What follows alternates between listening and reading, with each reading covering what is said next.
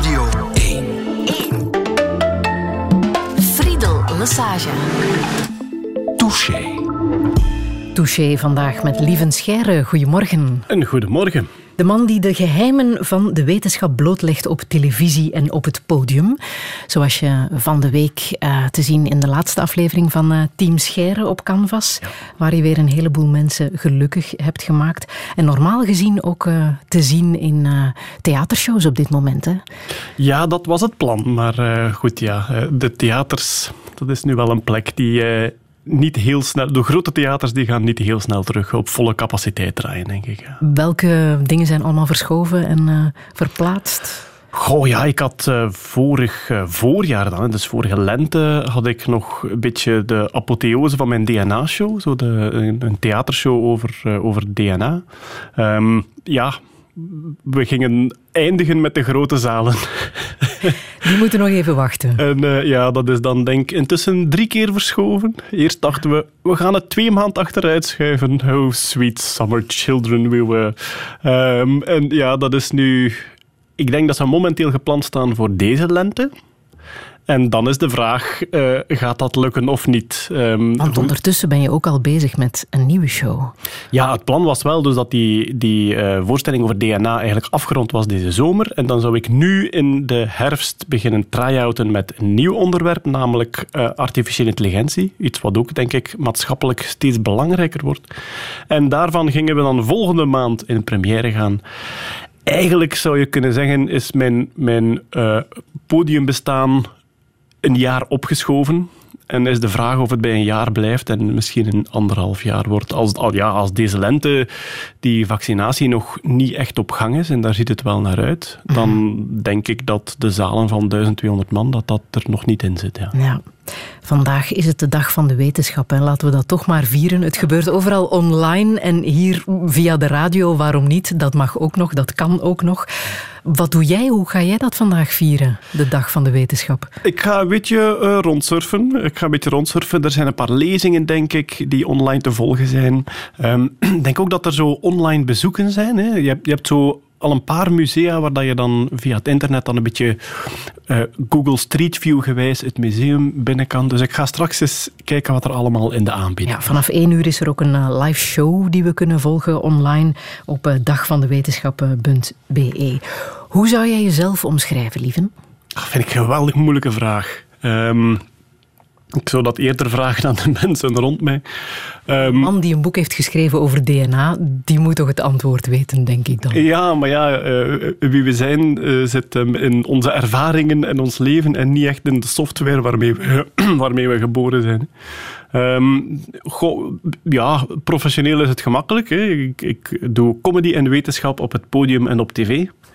Um, en verder, persoonlijk vind ik dat lastig. Um, ik denk dat ik um, rationeel ben. Ik probeer genuanceerd te zijn. En ik ben de helft introvert en de helft podiumbeest. Ah ja. ja. Ah. Anders dan wij denken te, te zien, die lieve scheren op televisie? Ja. Altijd vrolijk enthousiast, vol ja, energie. Tuurlijk. Dat is, dat is, de, dat is de, de podiumbeest kant. Als zijnde, ik heb een soort uh, performers modus. Uh, als ik uitleg geef, uh, zeker ja, bij stand-up comedy, als ik probeer de humor te bedrijven, dan zit ik in performance modus. En ik heb een andere kant, zoals heel veel podiummensen trouwens, mhm. die zeer introvert is en die heel graag de rust opzoekt en die um, immens kan genieten van een hele dag alleen thuis in de zetel zitten met een krant en een tas koffie. Lieve, mag ik jou ook de koning van Nerdland noemen? Of president, ik weet niet wat je het liefste hebt. Ja, ik noem mijzelf altijd vicepresident. Vicepresident. Ja, omdat ik denk, dan laat ik zo die presidentstoel een beetje open voor... Ja, het is, het is ook... Ja, laat ons zeggen, het is, het is een beetje... Wij, wij gaan voor het jeugdbeweginggevoel. Hè.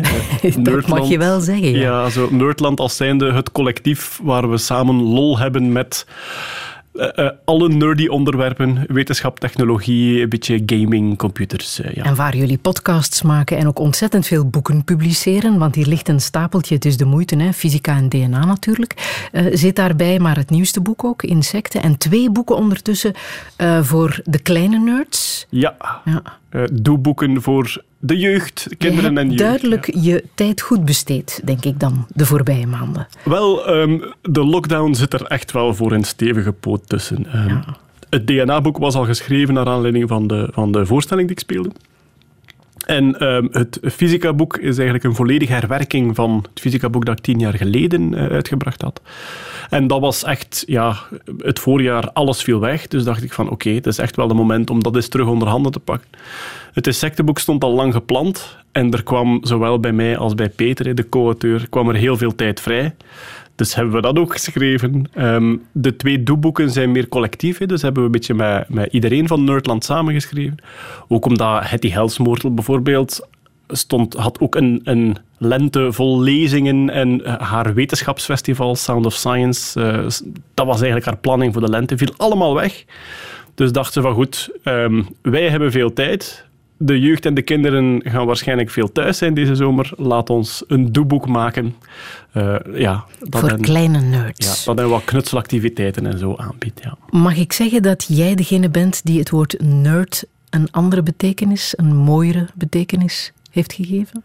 Uh, ja, dat is, wel, dat is wel deel van het plan. Um, ik denk dat dat ook iets is dat internationaal eigenlijk al een paar jaar op gang gekomen is, zonder, zonder dat ik echt kan mijn vinger erop leggen hoe het begonnen is. Maar, het is niet ehm, meer erg om een nerd genoemd te worden, in tegendeel. Nee, het is echt een geuzennaam. Hè. Het is een volledige geuzennaam geworden. Uh, reclaiming the N-word, uh, zeg ik wel eens. Um, The Big Bang Theory speelt daar volgens mij een rol in ook. Hè, waar dat ze eigenlijk de, de, de tv-reeks, de Big Bang Theory, waar dat ze ook wel een beetje die, die, die grappige kant tonen. Ook nerdcultuur, en dan bedoel ik superheldenfilms, uh, comicbooks enzovoort, uh, is ook iets wat zo breed geworden is.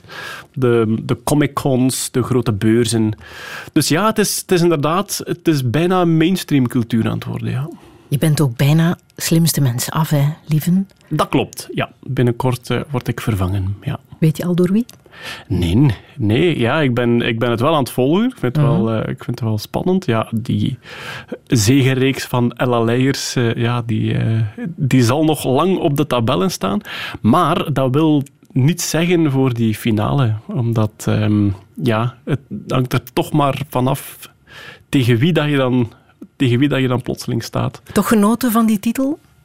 De slimste mens? Uh, ja, die, die titel op zich is met een knipoog en is uh, heel erg tong-in-cheek natuurlijk. Maar um, wel immens genoten van die deelname. Dat is zo een tof programma om in te zitten, om aan mee te doen. Um, de, de comedy vanuit de jury dan en, en vanuit Erik. Ja, ik heb daar van, van die deelname heb ik immens genoten, ja. Lieven Scheire, welkom in Touché. Merci. Radio 1. Friedel Lassage. Touché.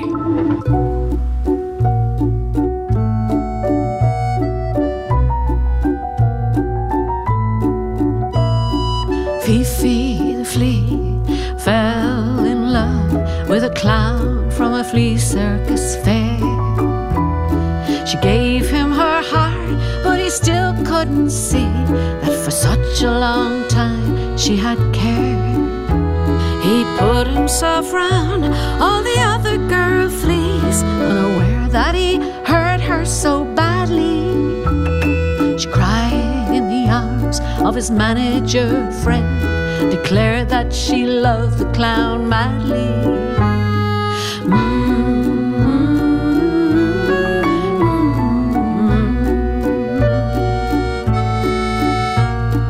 Day Fifi left, this drove the clown wild.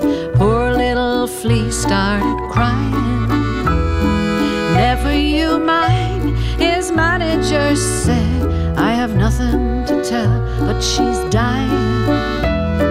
Dying for love of you, little flea. You've broken her heart with your lying. She couldn't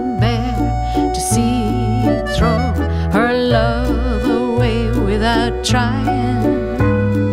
The -hmm.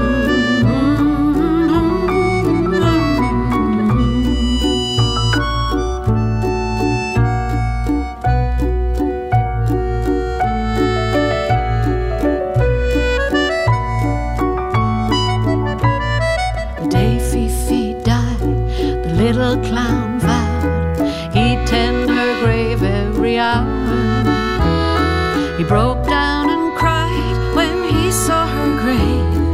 And on it he placed a small flower. Poor little flea, he's wasted away. He lost his Fifi forever. So they opened her grave, put him inside. Now at last they are together. Mm. Fifi the Flea van Mary Black. Het is een nummer van eh, de Everly Brothers uit 1966, maar nog eens overgedaan op deze hele mooie manier van Mary Black. Speciaal voor jou, hè? En dankjewel. Want je houdt van insecten, Lievenscheire. Daar heb je ook een boek over geschreven, samen met entomoloog Peter Berks. Een mooi woord voor iemand die leeft en werkt voor de insecten. Ehm, jij bekent in dit boek dat je echt verslaafd bent hè? aan het spotten van insecten. Hoe ver gaat dat bij jou? Ja, goh, dat begint met een, een bezig hoofd, een beetje een nieuwsgierig hoofd, dat altijd wel op zoek is naar iets. En het mooie aan die, aan die insecten is dat ze er altijd zijn en dat ze overal zijn. Eh, Ik heb hetzelfde meegemaakt met wolken. Ik heb me ook eens verdiept in de wolken, nog zoiets. Ja, ja, ja, die zijn er altijd. Ja, voilà. En dat is, dat is blijkbaar wel een beetje een constante. Dat zo, ehm, laat ons zeggen, democratische wetenschap, dingen die overal zijn en waarvoor je niet op reis hoeft te gaan of waar je geen dure toestellen voor nodig hebt. Dat, eh, ja, dat zit meestal wel in mijn interessegebied. En met die insecten is het, is het mooie ook nog eens, ze zijn niet alleen overal. De, de manier waarop die leven, parasiteren en, en wat er allemaal gebeurt aan drama en romantiek in het struikje naast de voordeur, dat is eigenlijk ongelooflijk. Die, die verhalen uit de insectenwereld, die hebben mij ja, regelmatig eens van mijn stoel geblazen. Het leek mij ook alsof je ons vooral wil overtuigen om die spuitbus en die vliegenmepper voortaan aan de kant te laten. Ja, ehm, ik denk dan vooral de, de, de grote chemische bestrijding heel graag eh, eh, weglaten. Ja. Ehm, in, de, in de moestuin zijn er prachtige manieren om insecten met insecten te bestrijden. Hè? Dus eh, sluipwespen inzetten en lieve heersbeestjes enzovoort. Dan krijg je niet alleen, allez, heb je niet alleen een, een, eh, meer groente, maar heb je ook nog eens een soort leeuwen versus hyena jacht onder uw neus in de moestuin. Maar als er een mug in mijn kamer zit, sla ik ze ook dood hoor. Dat, Ja, want eh, hoe komt dat eigenlijk dat de mens vooral insecten wil doodmeppen en daar verder niet zo in geïnteresseerd is? Ik denk dat dat ook, dat dat ook logisch is, omdat ehm, ja, wij... Dat kruipt, dat zoemt, dat maakt vervelend lawaai. Ja, en de, de voorbije honderd jaar zijn wij, allee, de honderden jaren zijn wij vooral bezig geweest met hoe krijgen wij hier genoeg voedsel voor eh, onszelf en onze naasten. En dus ik denk dat ergens een beetje een luxe positie is van onze generatie, dat wij, eh, dat voedsel, daar zijn we wel gerust in. Dus we kunnen eens kijken naar die beestjes. Dat is ook wat dat Peter altijd zegt, mijn, mijn co-auteur eh, Peter Berks. Die zegt, de entomologie is als wetenschap begonnen vanuit de idee, hoe kunnen we ze kapot maken, die beesten. Dat ging echt over plaagbestrijding. Als je, als je een veld vol zet met dezelfde plant, zuiver naar biodiversiteit gekeken, is dat een immense uitnodiging voor een plaagsoort. Van hier staat het, jongens, hier is het buffet, kom massaal naar hier en vreet het kaal. En dus om dat op te lossen, hebben wij allerlei bestrijdingsmiddelen uitgevonden. En hopelijk worden we daar nu wat slimmer in, ja. Zijn ze nuttig, de insecten? Eh, ja, het is altijd moeilijk om het woord nuttig precies te beschrijven. Ehm, zijn ze nuttig? Ze zijn noodzakelijk. Ehm, als zijnde, eh, stel dat je zegt, morgen sterven alle vogels uit. Ja, dan is er iets serieus aan de hand met onze biodiversiteit, maar dat, dat is herstelbaar. Als je zegt, morgen sterven alle insecten uit, is het wel gedaan. Dan gaan we, ja, dan gaan we eventjes terug naar een, een planeet van wormpjes en kwallen en eencelligen. En dan zal alles terug opgebouwd moeten worden. Want ja, die doen zodanig veel in de, in de natuur dat, dat we echt niet, letterlijk niet zonder kunnen. Je roept de mensen op om op insectensafari te gaan. Hè? En in deze coronatijden is dat uh, poepsimpel, want het kan in de tuin, het kan in het park, het kan op straat, het kan zelfs bij je thuis. Je hoeft er zelfs niet eens voor naar buiten. Wat heb je er allemaal voor nodig? Um, eigenlijk niets. Als als je gewoon de tuin in wandelt en hier en daar eens aan een, struik schudt en kijk wat er allemaal rondkruipt. Bijvoorbeeld ook de, de, de grondlaag een beetje afkrabben. Hè. Als er zo'n grondlaag is van blaren en takjes, als je dat opzij schuift, is het ongelooflijk wat er allemaal wegkruipt. En als dat voldoende is om te zien wat er leeft, heb je niets nodig. Het wordt natuurlijk veel toffer eens dat je een insectengids hebt, dat je kan opzoeken wat je gezien hebt. Of de app. De app. Apps Identify. Fantastische app met artificial intelligence, waar je gewoon een foto neemt van een uh, insect en die zegt u met, ja, hij geeft erbij hoe zeker hij is, maar vaak zo'n 90%, 100% kans, zegt u welk dier dat is. Ja. Dan kan je gaan kijken, wat doet dat hier, wat eet dat, is dat dat jagen op iets, um, waar legt dat eitjes. Voor het plukken van paddenstoelen wordt die niet zo erg aangeraden, maar bij insecten kan het ja. geen kwaad om die te gebruiken. Ik gebruik hem vaak bij paddenstoelen om te weten wat het is, maar geen haar op mijn hoofd dat eraan denkt om een paddenstoel op te eten die, maar, van die, informatie, die maar met 90% zekerheid uh, geïdentificeerd is. Ja. ja. nee, dat zeker. Nu, ik heb uh, behoorlijk wat uh, beestjes leren kennen door jouw boek. Ik was vooral verrast door de naamgeving.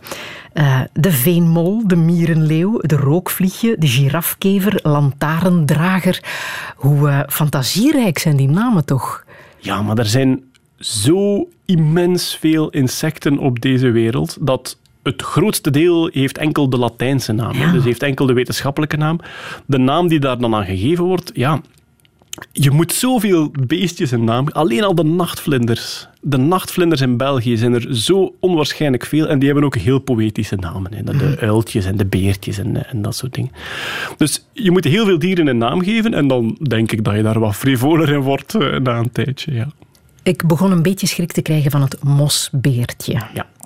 Op het eerste zicht dacht ik, oh fijn, ik lees hier, het is geen insect. Dat stelde mij al een beetje gerust. Maar dan las ik, komt overal voor ter wereld, is onsterfelijk en zit overal. Je kan het niet zien met het blote oog, maar hier in de studio zit het vol mosbeertjes. Ik word nu al een beetje ongemakkelijk. Hier in de studio zullen er waarschijnlijk mosbeertjes zijn. En dan denk ik uh, in het tapijt misschien meegekomen met ja? schoenen. Maar mosbeertjes zijn hele kleine diertjes. Denk een halve millimeter uh, of een tiende van een millimeter.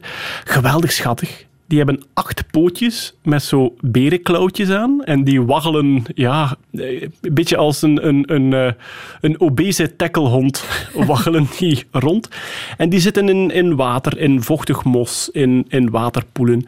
Um, onsterfelijk zijn ze niet, als zijnde na een tijdje gaan ze dood van ouderdom. Maar ze kunnen immens veel zware omstandigheden aan. Hoge temperaturen, hoger dan 100 graden. Um, vriezen tot min 40 kunnen ze aan. Zelfs het vacuüm van de ruimte overleven ze. Omdat ze zichzelf tot een soort kokonnetje kunnen rollen waarin ze in pauzestand staan. Mhm. En vele jaren gewoon in pauzestand kunnen wachten tot de omstandigheden beter zijn. Maar ze zitten overal. En als je een microscoop hebt, is het fantastisch om er naar op zoek te gaan en er eentje live te zien rondwaggelen. Als je geen microscoop hebt, ga je gewoon op YouTube en tik je in waterbeertje of tardigrade en dan zie je allerlei filmpjes van waggelende waterbeertjes. Ja. Ook een plek om eens naartoe te gaan na uh, de coronalockdown is uh, de kelder van het Koninklijk Belgisch Instituut voor Natuurwetenschappen in Brussel. Ja. Daar zitten ze allemaal in dozen.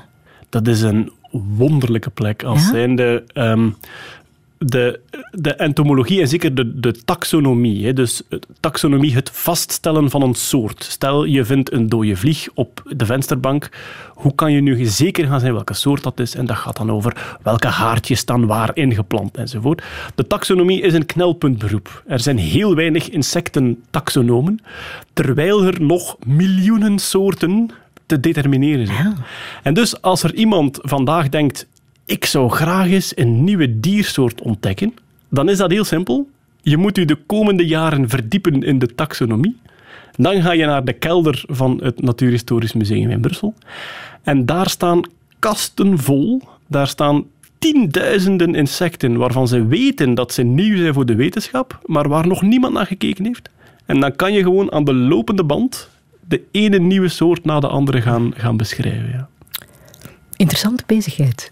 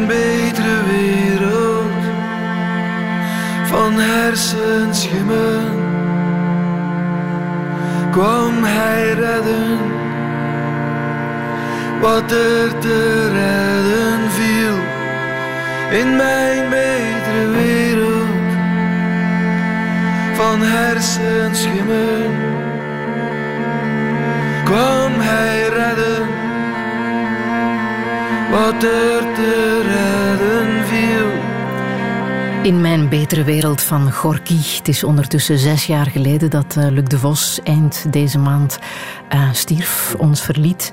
Lieve Scheire, waarom wou je dit laten horen? Ja, eh Gorky was de, de, de soundtrack van mijn tienerjaren. Zelfs voor een stuk van mijn twintigerjaren. Is iets waar ik nog heel vaak opleg. Ehm, ja, goh. Luc de Vos is, is opgegroeid in het Meetjesland, net zoals ik. Eh, is in, in een, in een ja, landelijke omgeving. Bij hem was dat dan eh Wippelgem, bij mij was dat Wachtebeke. Is daarna naar de stad gekomen en er is heel veel van zijn klankkleur, van zijn teksten enzovoort, waar, waar ik geweldig mee accordeer. Ehm, het, resoneert, zeg ik wel eens. Hè. Je hebt, eh, als je een bepaalde noot aanslaat en er is een snaar op je gitaar die op dezelfde noot gestemd is, dan trilt die mee. En ik heb een beetje hetzelfde gevoel bij, bij Gorky, bij die teksten, bij, bij Luc de Vos, bij zijn boeken ook, want hij heeft fantastische boeken geschreven. Het is een beetje die mengeling van die, van die melancholie vanuit die landelijke jongenskamer dromen van grootsere dingen en dat dan... Dat zit immens in die teksten ook. En En dat was jouw wereld als, als kind?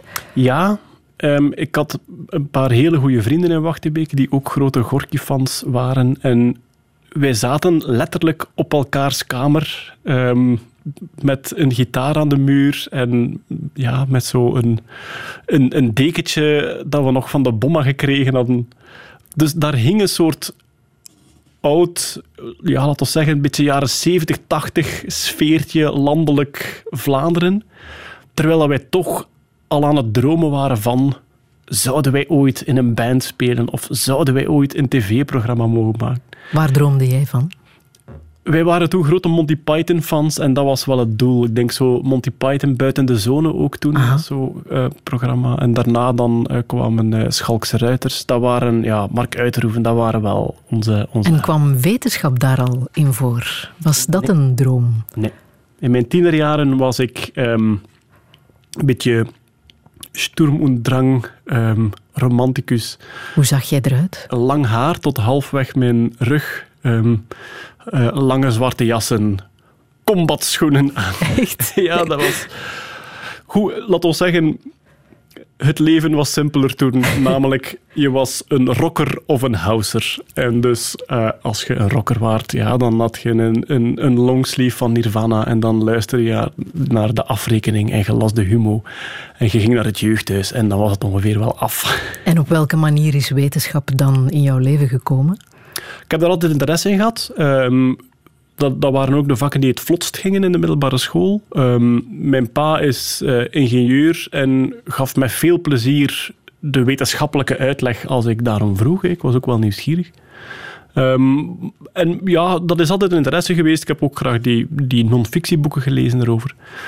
En dan herinner ik mij, dus na mijn, na mijn middelbaar ben ik een jaar op uitwisseling geweest. En dan was ik echt aan het twijfelen, wat ga ik nu studeren hierna? En er lagen echt twee opties op tafel en dat was filmregie of fysica. Een beetje filmregie, ik was toen nogal verslingerd aan zo echt arthouse films. Dus dat zat toen wel wat meer in zo die... die Dus voor hetzelfde geld zat ik hier te praten met de arthouse-regisseur Lieven Scheire. Goh, ja, stel je voor. Ehm, ik, ik weet niet of ik het zou gekund hebben eigenlijk, uiteindelijk. Omdat ehm, ik heb later wel geleerd, hè, door zelf in tv te werken, dat ehm, ik was misschien wel heel erg verliefd op het resultaat van die arthouse films, van, die, van die artistieke films. Maar het maakproces daarvan was iets waar ik toen geen notie van had. En als er iets is wat je moet leren op een filmschool, dan is het dat wel. Dan is het wel het métier van hoe zet ik de camera eh, in de juiste hoek met het juiste licht om die dingen over te brengen. Ehm, en ik weet niet of ik daarvoor in de wieg zou, zou gelegd zijn. Was jij de slimste van de klas? Ehm, qua punten niet. Ik was, eh, ik was geen schoolse leerling. Ehm, qua interesse bij de vakken die mij lagen, misschien wel, ja. Maar jouw IQ is ooit getest geweest, hè? Eh, ja. Ja. Hoe oud was je toen? Goh, eh, dat was na mijn middelbaar. Dan zal ik twintig geweest zijn, denk ik. Zoiets, ja. En hoe hoog Hoog. was dat? Hoog genoeg. nee, ja, het... het ehm, eh, hoog genoeg, ja. Maar ik, ga het, ik ga het cijfer niet noemen, Nee, omdat... nee, dat zeg je niet, hè? Waarom, Nee. waarom niet? omdat, omdat dat ook maar een cijfer is, omdat dat heel, ehm, omdat dat heel relatief is. Ehm, en omdat het maar een heel nauw aspect is van uw persoonlijkheid. Als zijnde IQ wordt heel vaak overschat, vind ik. Ehm, eh, ik heb toen een tijdje bij eh, Mensa gezeten ook. Dus Mensa een vereniging voor Ja. mensen met ja, een, een IQ hoger dan een bepaalde grens. Ik vond dat geweldig boeiend, omdat je daar ziet ehm, wie die mensen zijn. En wat ze delen en vooral wat ze niet delen. Eh, wat delen zij? Een analytisch vermogen, een, een, een, ehm, een groot als-dan denken. Hè? Dus echt redeneren, als dat zo is, dan dat zo. En daar houdt het op. Voor de rest delen zij niets. Daar zitten heel succesvolle mensen bij. Daar zitten mensen bij die helemaal aan de grond zitten ook. Ehm, ik ben daar CEO's tegengekomen. Ik ben daar mensen tegengekomen die ehm, in de werkloosheid zitten, omdat ze gewoon niet aarden in bedrijven, sociale situaties. Ehm, en verder een complete doorsnede van de maatschappij. Eh, veel programmeurs, dat is logisch. Maar evengoed eh, leerkrachten, kunstenaars, eh, zeer linkse mensen, zeer rechtse mensen. IQ zegt, heeft heel weinig correlatie met de rest van uw persoonlijkheid. Het is Heeft het jou ooit in, in de weg gezeten? Ik denk niet dat het mij in de weg gezeten heeft. Misschien, ehm, misschien in mijn prille liefdesleven als zijnde, zo als, als tiener en zeker als twintiger, ga je het misschien vaak overberedeneren. Dat je, dat je er veel te analytisch naar kijkt en dus dat je veel te voorzichtig wordt. Dat je die dingen niet ten volle durft beleven, of vooral dat je er heel introvert van wordt en dat je gewoon ja, eigenlijk stapelverliefd bent op iemand, maar dat op geen enkele manier durft te uiten, uit angst voor de gevolgen als er een afwijzing is of als iemand anders dat belachelijk gaat vinden. En de typisch de, de tienergedachtes bij prille verliefdheden, maar die je dan echt gaat overanalyseren, waardoor dat je helemaal vastzet. En dat is iets wat ik, wat ik nog, wel, nog wel zie, ja. Blá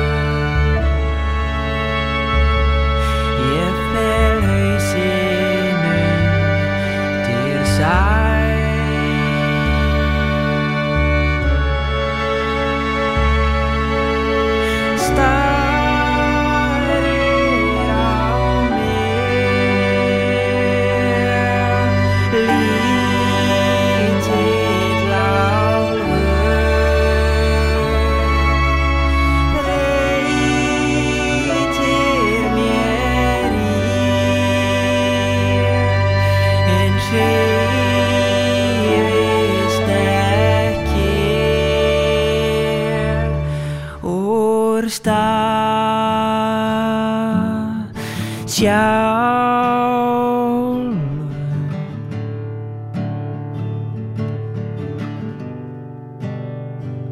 starálfur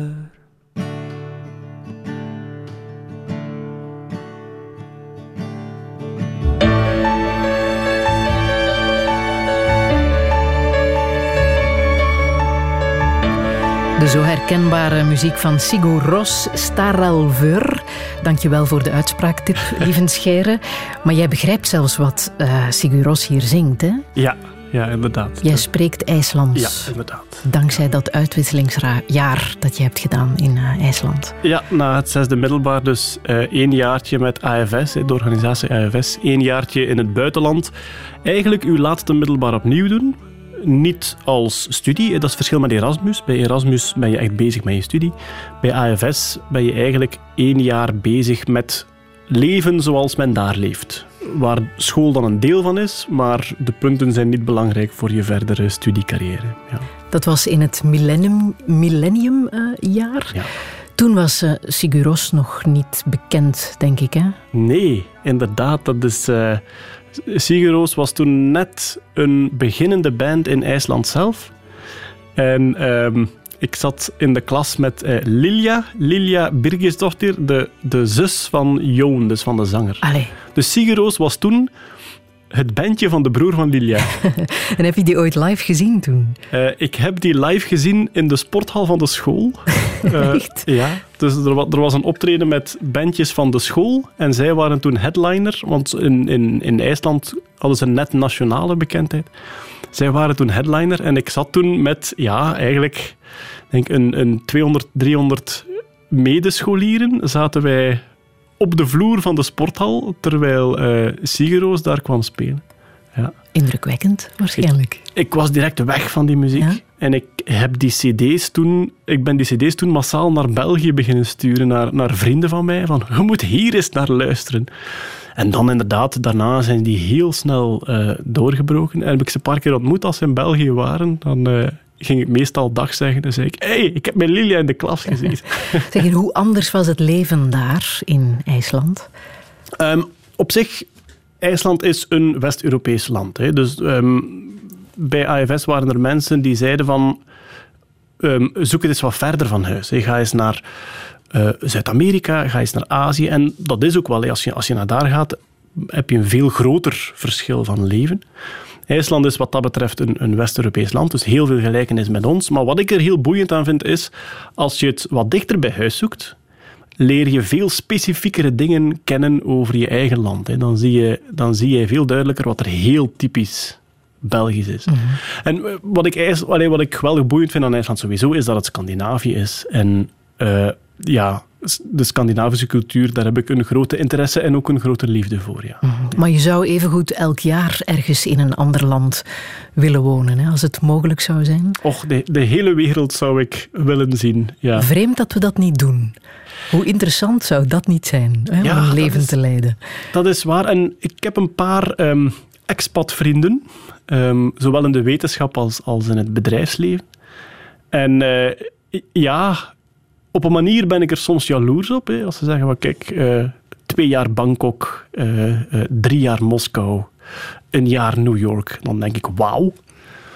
En langs de andere kant wil dat ook wel zeggen dat je heel veel laat liggen qua thuisbasis. Want als zij hier thuiskomen, ja, dan is het zoeken naar vrienden uit het middelbaar waar je nog eens mee op café kan gaan. Maar dan heb je niet echt die basis hier thuis. Maar sowieso, ik zou heel graag nog eens een jaar in het buitenland wonen. Alleen als family man is dat ook weer moeilijker. Ja, voorlopig was het dat ene jaar in IJsland. Daar stopt het. Je bent eh, teruggekomen en uiteindelijk toch aan die studie fysica begonnen, maar niet afgemaakt.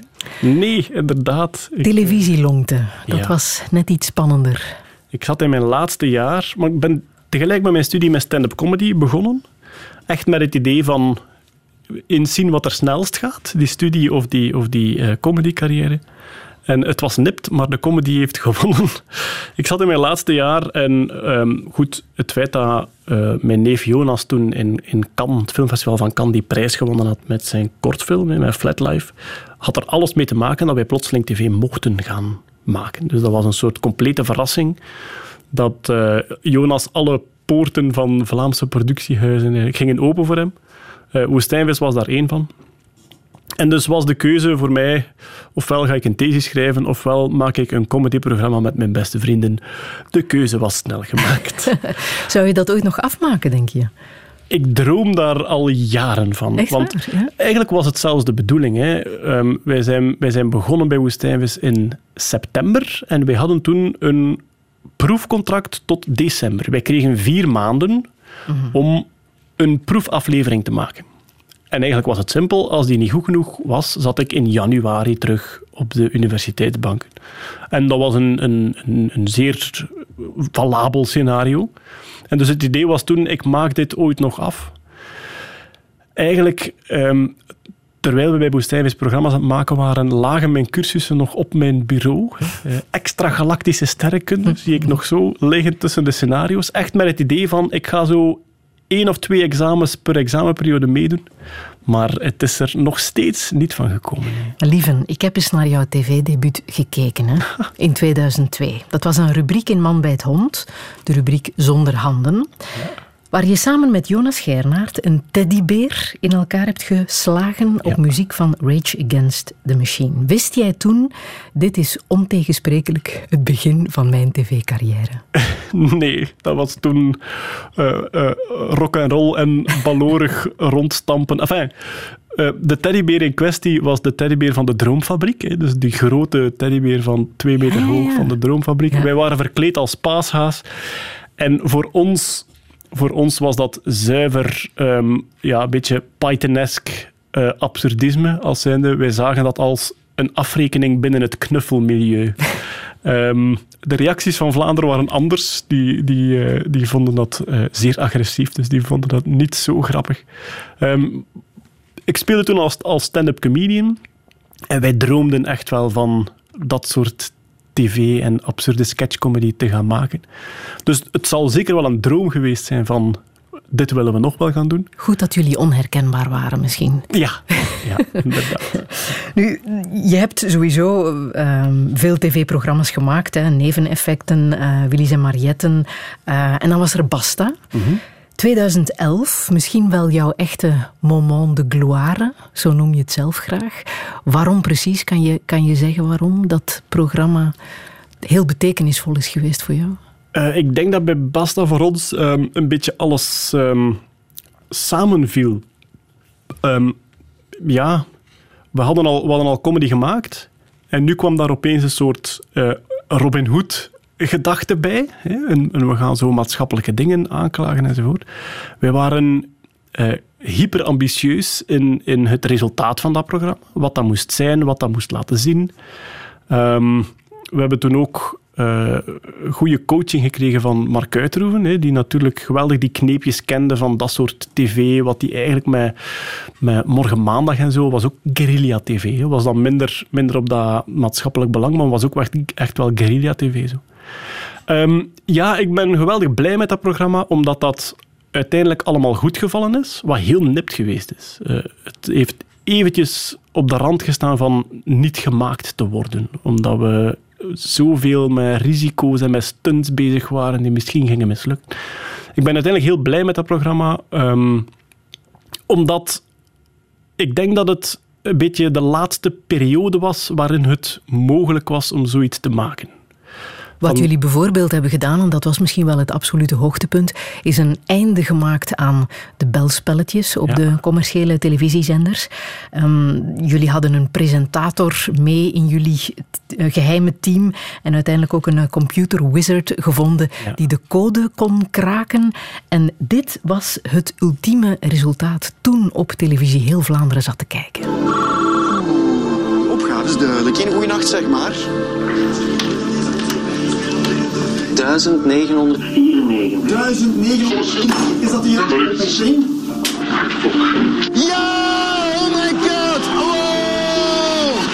Wauw, wauw, wauw, wauw. Met wie spreek ik? Met Gaëtan de Weert. Touché. Gaëtan de Weert had het gedaan. Hij had de oplossing gevonden en meteen was dat ook het einde van de belspelletjes. Was dat ook een beetje jullie bedoeling om toch echt wel maatschappelijk relevante tv te maken? Eh, wij waren, eh, dat was zeker de bedoeling, maar wij waren ook wel een beetje bang voor de prekerige tv. Vooral omdat je dan je doel compleet mist. Ehm, de enige reden waarom ehm, die belspelletjes niet meer houdbaar waren daarna, was omdat het heel breed bekeken werd. En omdat het publiek daarin mee was. En stel dat wij Stel dat je bijvoorbeeld, ehm, als je nu kijkt naar de, de Pano-reportages, die zijn fantastisch goed gemaakt. Die, die halen er, vind ik, heel vaak de juiste thema's uit en die gaan dat zeer analytisch belichten. Maar het is veel moeilijker voor een Pano-reportage om, om de hele publieke opinie te keren. Net omdat mensen op dat moment, een groot deel van de mensen op dat moment naar de slimste mens aan het kijken is. En dus ehm, wij hebben daar met, met die belspelletjes daar een beetje toch de mengeling gevonden. En ook, dat was echt een, een teamwerk van de regisseur, van de monteur. Alles viel er wat samen in een soort cliffhanger gevoel. Gaat hij het raden of niet? Daar zit dan een, een, een mol undercover eh, binnen. Dus daar zat heel veel, ehm laten we zeggen, ook veel tv-makerij in. Los van het zuiver documentair laten zien wat daar precies aan de hand was van bedrog. Het grote bewijs daarvan is dat de belspelletjes simpelweg nog bestaan in Wallonië. Hè. Dus eh, er was toen grote, ja, er was toen een, een, een grote politieke reactie. Want een miljoen mensen hadden gekeken, dus de politiek moest wel iets zeggen. En er was toen een grote reactie van hoe vreselijk dat het bestond en we hadden het niet in de gaten en we wisten het niet, maar nu gaan we hard optreden. Ehm, en wat blijkt, in Wallonië bestaan die belspelletjes nu nog steeds. Dus die worden nog elke dag uitgezonden met exact hetzelfde bedrog als wat wij toen laten zien hebben. Kaitan, die in het programma zat, die stuurt elke week ongeveer een soort verslag met alle inbreuken naar de kansspelcommissie. Daar wordt niets mee gedaan. Waarom niet? Omdat het nu niet op tv geweest is in een entertainmentprogramma voor 1 miljoen mensen. Dus ehm, na Basta ben ik een beetje, denk politiek cynischer geworden en een beetje maatschappelijk, eh, maatschappelijk cynischer geworden. ja. Een Franstalige versie van Basta dringt zich op. Hè. Ja, maar eh, ik zeg het, in Vlaanderen is het op dit moment gewoon niet mogelijk om dat soort programma opnieuw te maken. Dus eh, ik denk in, in Wallonië ook niet. Nee.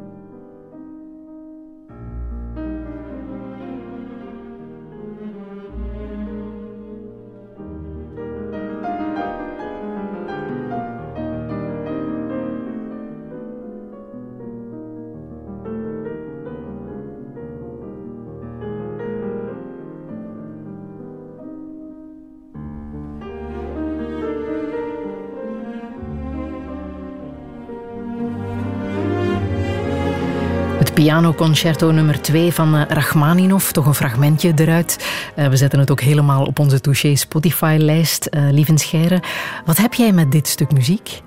Het, is, het is een van de, van de klassieke stukken die ik heel goed ken. En ehm, ik ben niet helemaal into klassieke muziek, maar ik heb zowel een verzameling van stukken die ik heel goed ken en waar ik heel graag naar luister, omdat ik ze goed ken. En je kent ze omdat je ze ook kan spelen? Eh, deze kan ik niet spelen. Rachmaninov is bijzonder uitdagend. Ja. Eh, ik ben een zeer beperkt eh, pianist. Ehm, eh, dus ik speel heel simpele stukjes of ik zing mee op dingen, maar dit kan ik niet spelen. Mondshine Sonate van Beethoven kan ik nu net, net nog wel. Ja, enfin, de eerste beweging toch. Ja. Zingen doe je ook, hè? ja inderdaad. Weten wij sinds je de... Wat heb je ook alweer gezongen met Mater, Astrid ja. Stokman? Stabat Mater. Ja, ja. Ja. Ik zat in het koor vroeger. Dus eh, in het kerkkoor, als je landelijk Vlaams opgroeit, dan zit je in de jeugdbewegingen en in het kerkkoor.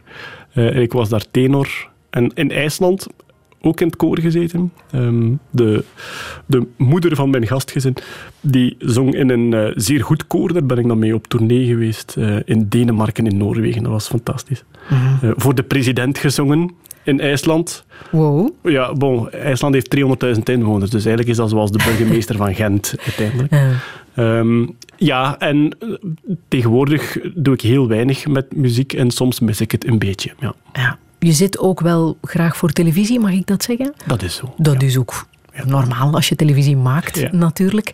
En dan wil je ons heel graag eh, The Story of Science aanprijzen. Ja. Een reeks van BBC, gemaakt door eh, Michael Mosley. Ja. Waarom moeten we daar naar kijken? Trouwens, een fantastische tip nu in eh, lockdown-tijden. Ja, The Story of Science, denk dat het intussen bijna tien jaar oud, negen of tien jaar oud is, is een, een documentaire reeks die echt zo die, die eh, BBC production value heeft. Dus Michael Mosley is een, een, een arts die wetenschapsprogramma's maakt in Engeland.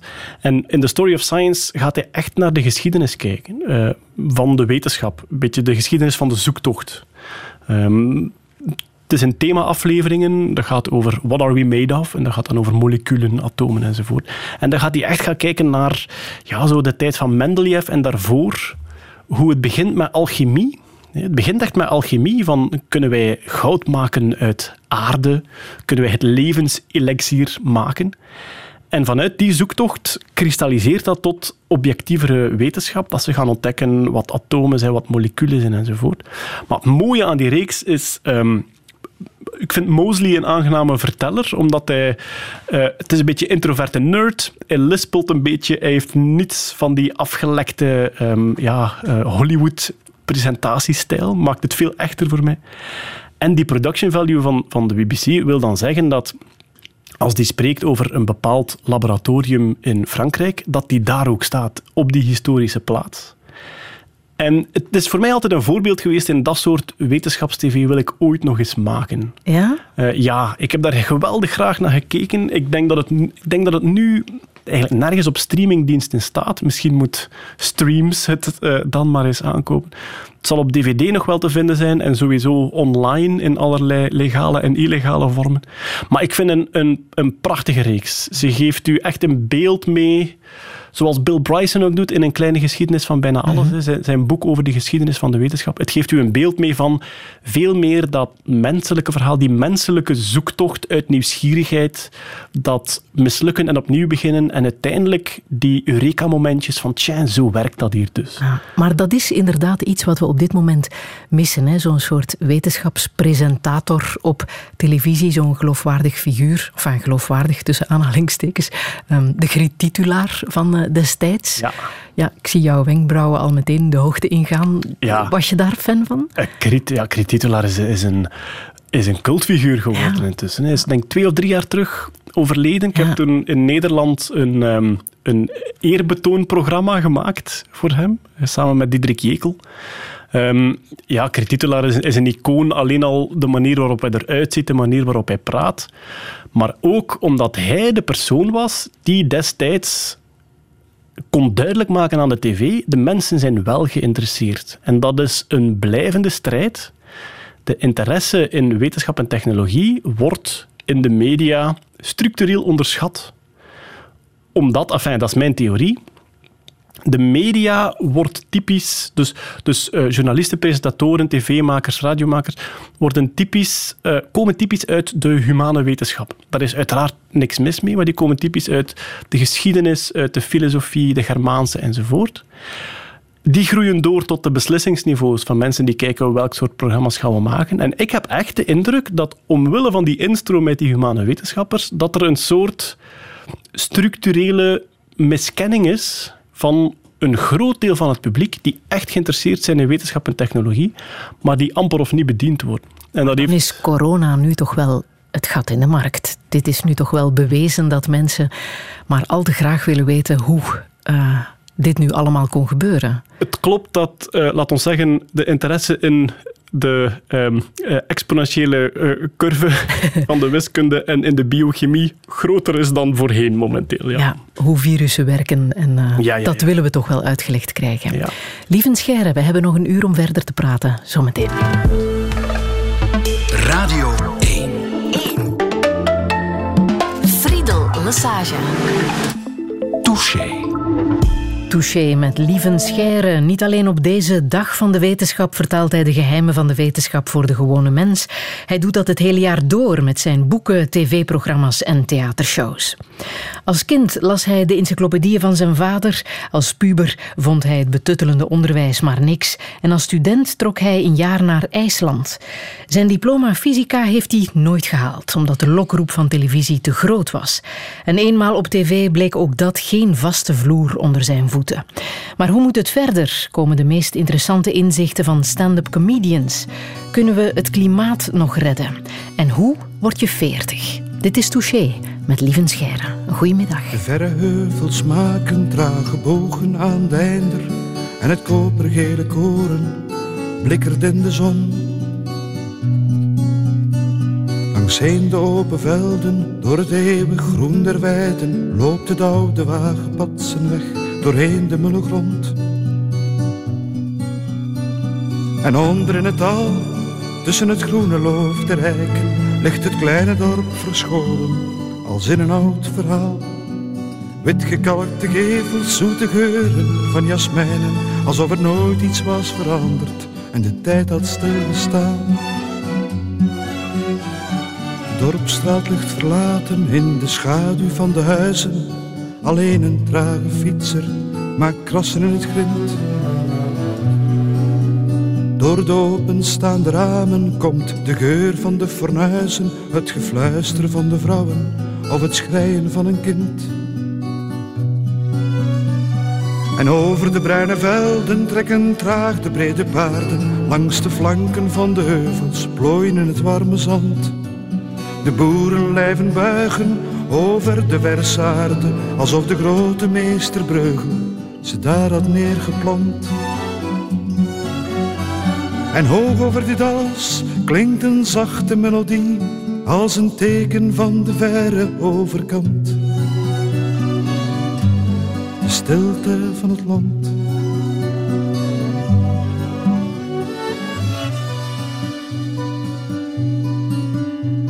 Hier leeft men met de eenvoud maar toch als kleine goden op het ritme der seizoenen een vredevol bestaan. Met regen, zon en wind, als trouwe bondgenoten, bewerkt men er de aarde zoals men eeuwen heeft gedaan. Alsof de grenzen tussen heden en verleden zijn verschoven, alsof er nooit iets was veranderd en de tijd had stilgestaan. Want hoog over dit alles klinkt een zachte melodie, als een teken van de verre overkant. De stilte van het land,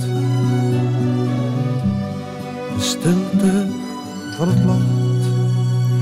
Jeff van Uitsel met De Stilte van het Land over zijn leven in zijn vierkantshoeve in Neerijsen in 78, 1978, lieve Scheire. Waarom wou je dit laten horen? Och ja, um, uh, een kleinkunstliefde enerzijds en um, uh, zeker dit lied dan van Jeff van Uitsel, ja, die, die liefde voor het plattelandsleven spreekt daar geweldig uit. En hij, bezingt hier in redelijk gezwollen taal, maar toch mooi poëtisch, vind ik, um, een soort Vlaams boerenleven waar ik net het einde van gezien heb. Toen ik in de jaren tachtig in uh, Wachtebeke rondreed op mijn fietsje, waren er nog boeren die met het paard boerden bij ons. Dus ik heb dat nog gezien. Ehm, het, het ploegen met het boerenpaard, eh, het bemesten met eh, de kar achter het boerenpaard.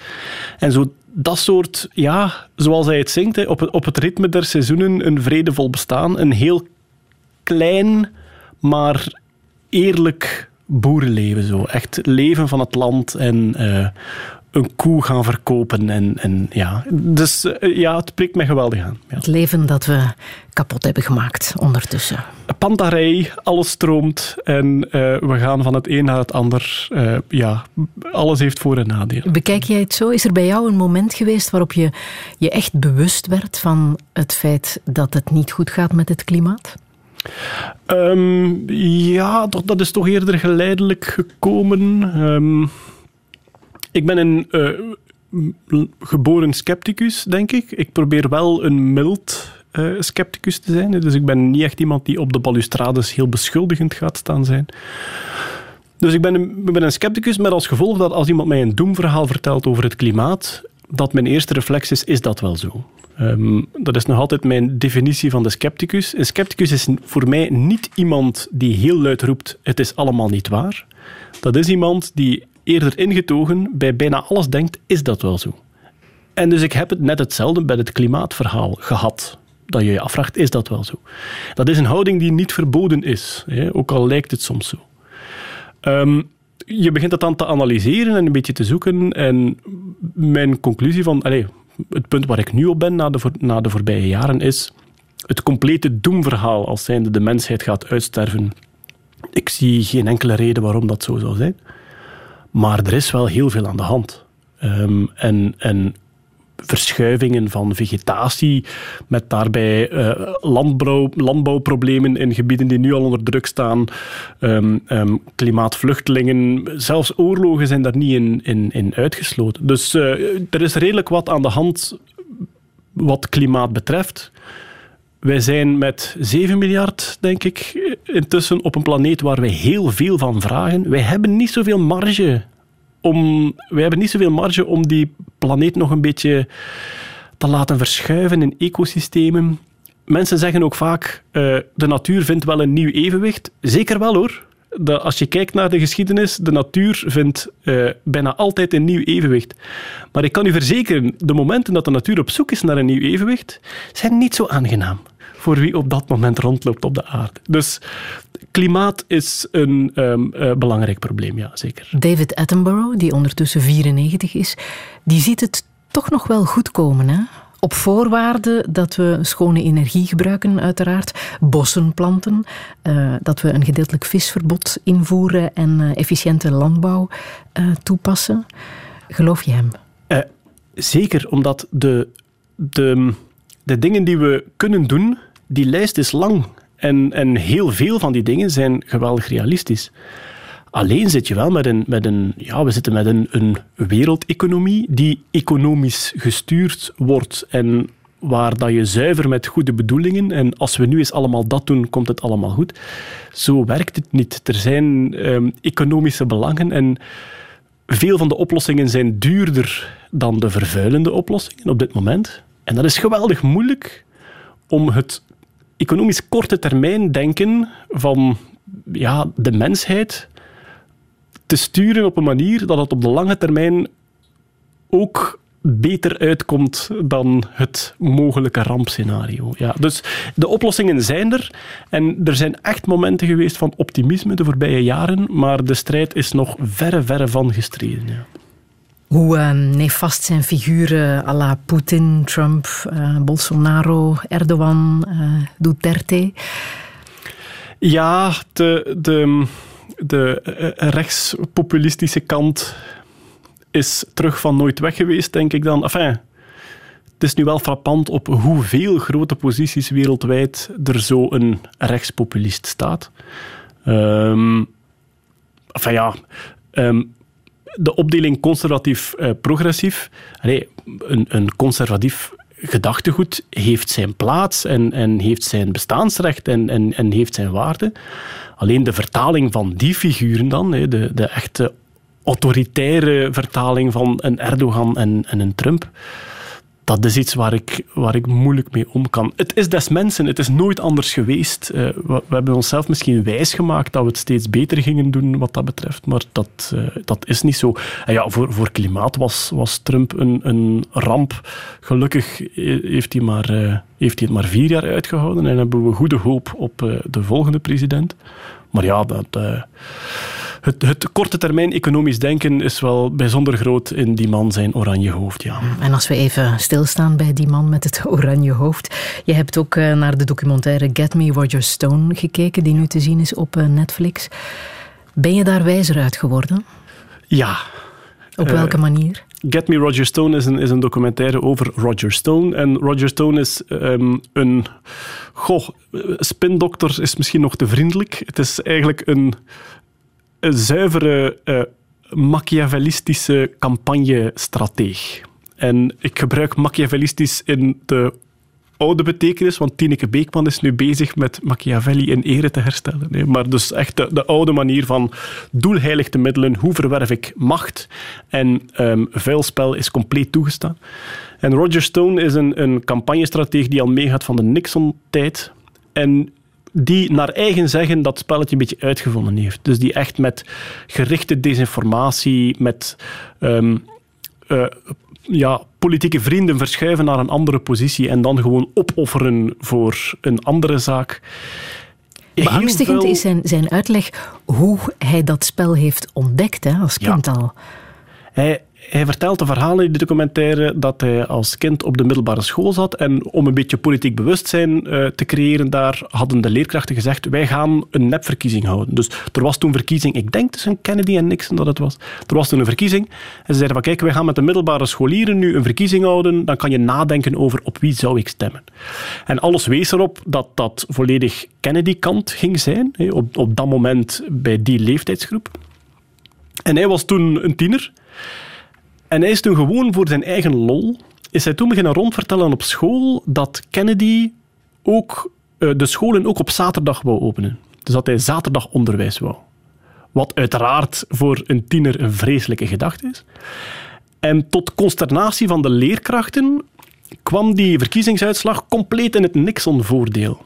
En toen als tiener had hij een soort euforiemomentje van zie eens, wat ik hier bereikt heb, gewoon door een beetje gerichte desinformatie, heb ik hier een heel systeem waarvan die leerkrachten zo zeker waren, compleet onderuit geholpen. En ja, dat overwinningsmomentje was blijkbaar groot genoeg voor die man om daarna gewoon een zeer gehaaide en eh, vuil spel spelende campagnestrateeg te worden. En in die documentaire zie je ook hoe, hoe onverhuld die daarover is. Die, die praat daarover als een soort talent van hemzelf en met een zekere trots over wat hij bereikt door aan de juiste touwtjes te trekken. Goed, er wordt ook gezegd in de documentaire, het is een ijdele man die zijn rol soms iets groter voorstelt dan ze eigenlijk is. Maar enfin, het is een verhelderende documentaire, Get Me Roger Stone.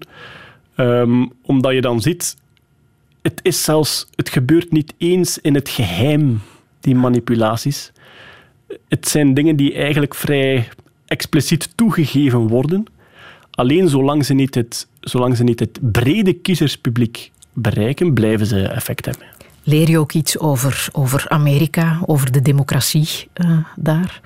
Ja, maar dat is iets waar ik denk de meeste mensen toch de voorbije jaren al eens diep over nagedacht hebben. Het democratisch systeem is totaal anders dan bij ons, hè, met kiesmannen en zeker de manier van campagne voeren. Het feit dat je je zo kan laten sponsoren door bedrijven, het feit dat er miljoenen, miljoenen uitgegeven worden aan die, aan die uh, advertenties alleen al, geeft toch een beetje het beeld dat de democratie daar iets meer te koop is dan bij ons. Ik ben ergens wel trots op ons Belgisch systeem, waar dat veel gereglementeerder is, campagneuitgaves, partijfinanciering enzovoort. En ja, soms in, in, als ik in internationale vriendenkring breng, ben, dan durf ik al eens de boel oppoken um, als het over democratie gaat. En zeggen van, kijk, ja, uh, Amerikanen, uh, Amerikaanse politici houden van democratie omdat het te koop is. Uh, Russische politici houden van democratie omdat het te manipuleren valt. En Europese politici houden van democratie omdat het geweldig veel postjes genereert. Um, en goed, dat is een geweldige boetade, maar er zit een, een, een, kern van waarheid. En dan volgt er een heel pittige discussie. Kan dat ik is altijd tof. Dat is altijd tof. Party girl, don't get hurt, can't feel anything. When will I learn? I push it down, push it down. I'm the one for a good time call, phones blowing up, ringing my doorbell. I feel the love, I feel the love. One, two, three, one, two, three, drink. One, two, three, one, two, three, drink. One, two, three, one, two, three, drink. Throw back till I lose count. I'm, I'm gonna swing from the chandelier, the chandelier. I'm, I'm gonna live like tomorrow doesn't exist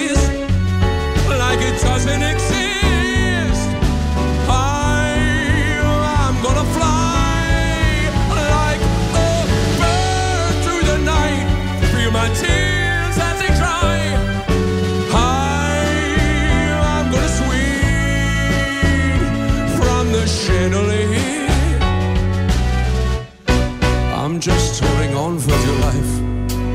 I won't look down, my glass full until morning light. Cause I'm just holding on for dear life. Help me, I'm holding on for dear life. Won't look down, won't open my eyes. Keep my glass full until morning light. Cause I'm just holding on for dear life. Sun is up, I'm a mess. I gotta get up now, gotta run from this. Here comes the shade. Two, three, one, two, three, drink. One, two, three, one, two, three, drink. One, two, three, one, two, three, drink. Throw it back till I lose count. I'm, I'm gonna swing from the chandelier, the chandelier. I'm, I'm gonna live like tomorrow doesn't exist like it doesn't exist.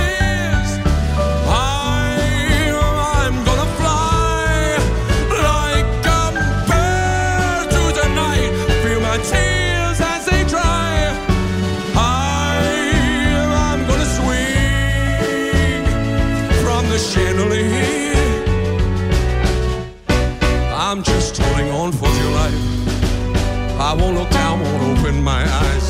Keep my glass full until morning light. Cause I'm just holding on for dear life. Help me, I'm holding on for dear life. I won't look down, won't open my eyes. Keep my glass full until morning light. Cause I'm just holding on for dear life.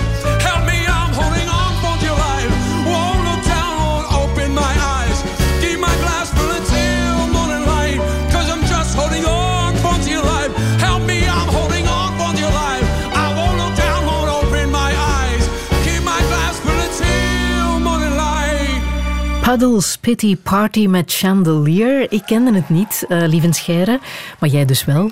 Ja. Hoe heb je dit leren kennen? Eh, Puddles, eh, Puddles is dus de, de zanger hier, is eigenlijk een rolletje van een acteur. Mike heet de acteur, bij zijn familienaam kwijt. En als hij Puddles speelt, sminkt hij dus zich dus in een soort clown, een beetje Pierrot-achtige clown. Trieste clown, hè? Ja, wit gezicht. De man is twee meter groot ook. Is een geweldig imposante verschijning. En hij, sp- hij spreekt niet als clown. Hij zingt wel, maar hij spreekt geen woord. En ik heb hem ehm, leren kennen in eh, Edinburgh op het Fringe Festival, het jaarlijkse eh, comedy festival in Edinburgh. En daar hingen grote affiches uit van die witte clown. Ik heb dat dan opgezocht. En toen kwam ik hierop uit. Dus hij zingt eigenlijk eh, covers van moderne nummers. Hier was het Chandelier. Met een eerder klassiek geschoolde stem. Hij is tenor ook, denk ik. En met dan ook een beetje jazzy begeleiding erbij.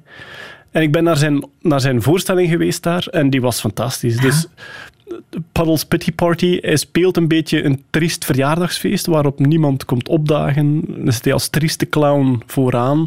Af en toe doet hij een beetje woordeloos interactie met het publiek. En dan tussendoor zingt hij die fantastische, overweldigende covers van die, van die nummers. En vooral dit, die Chandelier, heb ik grijs gedraaid in, Ja. die, in die maand dat ik in Edinburgh zat dan, Ja. voor het Fringe En Festival. daar heb jij zelf ook op het podium gestaan, want dat is een onwaarschijnlijk festival, hè, Fringe. Ehm 53.000 voorstellingen, eh 3.300 shows op 300 locaties. Ze verkopen normaal gezien 2,7 miljoen tickets. Afgelopen zomer uiteraard niet. Maar hoe bijzonder is dat, dat zoiets bestaat? Eh, Dat is fantastisch. Het, het Fringe Festival zou ik eigenlijk aan, aan elke podiumcomedian ter wereld zou ik aanraden, ga daar eens één keer naartoe. Ehm, het is een strijd, omdat iedereen strijdt voor diezelfde tickets enzovoort. Ehm, ik had het grote geluk dat ik daar naartoe kon met, ja, laat ons zeggen, al een manager. hè. Rick Dubaks eh, deed toen mijn management en die ging mee naar daar. Dus die heeft alles op alles gezet om die promo goed te krijgen, om die ticketverkoop goed te krijgen. En dus als je daar al met een soort budget en met een professionele manager naartoe gaat, dan slaag je erin om een zaal van 50 mensen elke dag te vullen, wat wij daar toen gedaan hebben. Maar iedereen is daar. De hele Engelstalige comedy is daar. Ehm, die ontmoeten elkaar. Dat is een enorme kruisbestuiving. Je gaat constant kijken naar elkaars voorstellingen. Je komt heel veel mensen tegen.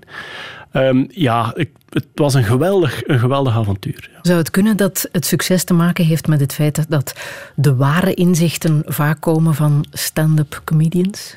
Dat is een, dat is een beetje iets ja, wat ik de laatste tijd gemerkt heb bij mezelf. Ehm, Al lachend zegt de zot de waarheid. Ja, de, de topcomedians, de, de internationale topcomedians, die kunnen zoveel inzicht in hun shows stoppen, dat ik soms denk van ja, voor een, voor een groot deel van het publiek haalt daar meer opinie en, en, en levensvisie uit dan, dan uit de opinieartikels in de krant.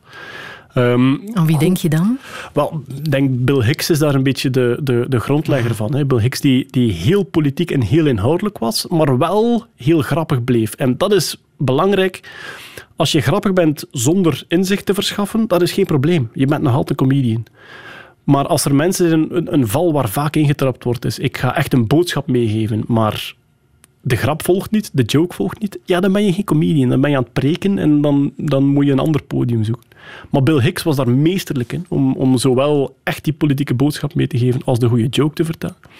En tegenwoordig, ja, Louis C.K. doet dat ook. Eh, die, die kan echt uh, maatschappij-inzicht meegeven. Ja, hij heeft dan helaas een uh, iets mindere periode meegemaakt. Hij is ook aangeklaagd met een heel MeToo-verhaal, wat hij volledig zelf toegegeven heeft ook.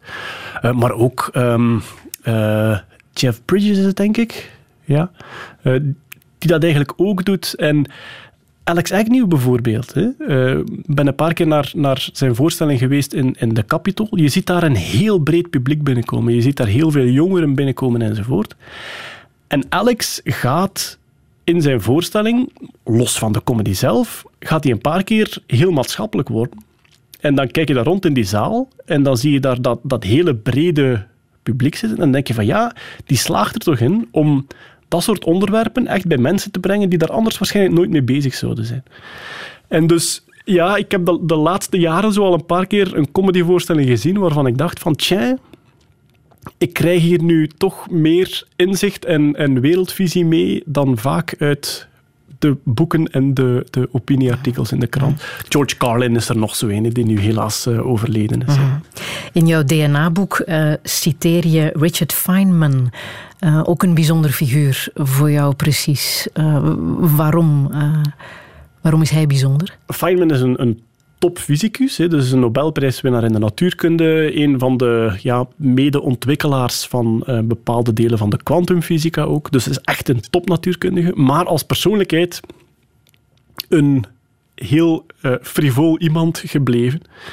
Die met zeer veel passie en met een geweldige kwinkslag kon vertellen over de natuurkunde. Er staan heel veel interviews met hem op YouTube nog steeds. Dat zo, als je op YouTube uh, in, uh, opzoekt Feynman interviews, dan vind je uren aan heerlijk materiaal waarin hij natuurkunde uitlegt op een heel begrijpelijke, maar ook zeer aangename manier. En het is altijd een speelvogel geweest. Dus zijn autobiografische boeken staan ook vol met ja, hij is bijvoorbeeld, hij zat mee in Los Alamos, het, het project waar de atoombom ontwikkeld is, helaas, maar waar toen eigenlijk een hele hoop topwetenschappers samen zaten in een geheim project. En hij was daar de jongste. Hij was door Niels Bohr meegenomen naar daar. En toen de collega's vroegen van wat komt die jonge gast hier doen? En zei van ja, we hebben hem nodig, want hij is geniaal en hij heeft totaal geen respect voor gezag. dus Feynman trok het, trok het hem niet aan dat daar een paar echt gevestigde waarden zaten. En wat hij heel graag deed tussendoor was ehm, hun kluisjes openprutsen. Dus hij, had hobby's als bongo spelen en eh, kluizen kraken en dat soort dingen. En dus eh, ja, die combinatie van een soort speelsheid, maar dan wel echt de fundamenten van de fysica uitleggen, spreekt mij geweldig aan in Ja, maar er ook nog eens voor zorgen dat mensen mee zijn met je verhaal, is ook heel goed kunnen communiceren. Hè? Weten wat de waarde is van jouw woorden en de manier waarop je ze gebruikt. Eh, hoe goed ben jij daarin? Ehm, goh, ik ben een, ik ben een publieksspeler. Als zijnde, ik ben immens gevormd door mijn stand-up comedy verleden. Ehm, eh, en je hebt totaal andere manieren van communiceren. Denk bijvoorbeeld aan Obama. De, de Obama-speeches zijn, zijn legendarisch, maar is een totaal ander register dan wat, wat de stand-up comedian leert. Hè. Ehm, Obama, Martin Luther King, die gaan echt meer op, op de grandeur, ehm, eh, op de, de klassieke toespraak. Een stand-up comedian, goh, stand-up comedy spelen in de cafés, zoals we vroeger deden, dat is echt wel hoogtestage in de aandacht van het publiek vasthouden. Ehm, en daar leer je heel veel kneepjes uit. En dan, dan begin je heel goed te weten wanneer de volgende joke echt wel moet komen of je bent ze kwijt. Dus ik raad dat ook iedereen aan. Als mensen zeggen ik wil wetenschapscommunicator worden, dan zeg ik heel vaak probeer eens in de stand-up comedy. Het is een harde leerschool, maar je, haalt er, ja, je leert daar geweldig veel uit. Het effect is groter. Ja, Het komt beter aan het als je het met eh, humor verkoopt. Dat sowieso. Maar het comedypodium is ook meedogenloos. Hè. Er, Ah. er is geen kleren van de keizer in de comedy. Als het publiek niet lacht, lacht het niet. En dan kan je niet afkomen met... Ja, iedereen probeert dat wel eens. Ze snappen het niet. Ze zijn er nog niet klaar voor. Helaas, zoek een ander publiek, maar het is meedogenloos. Ja.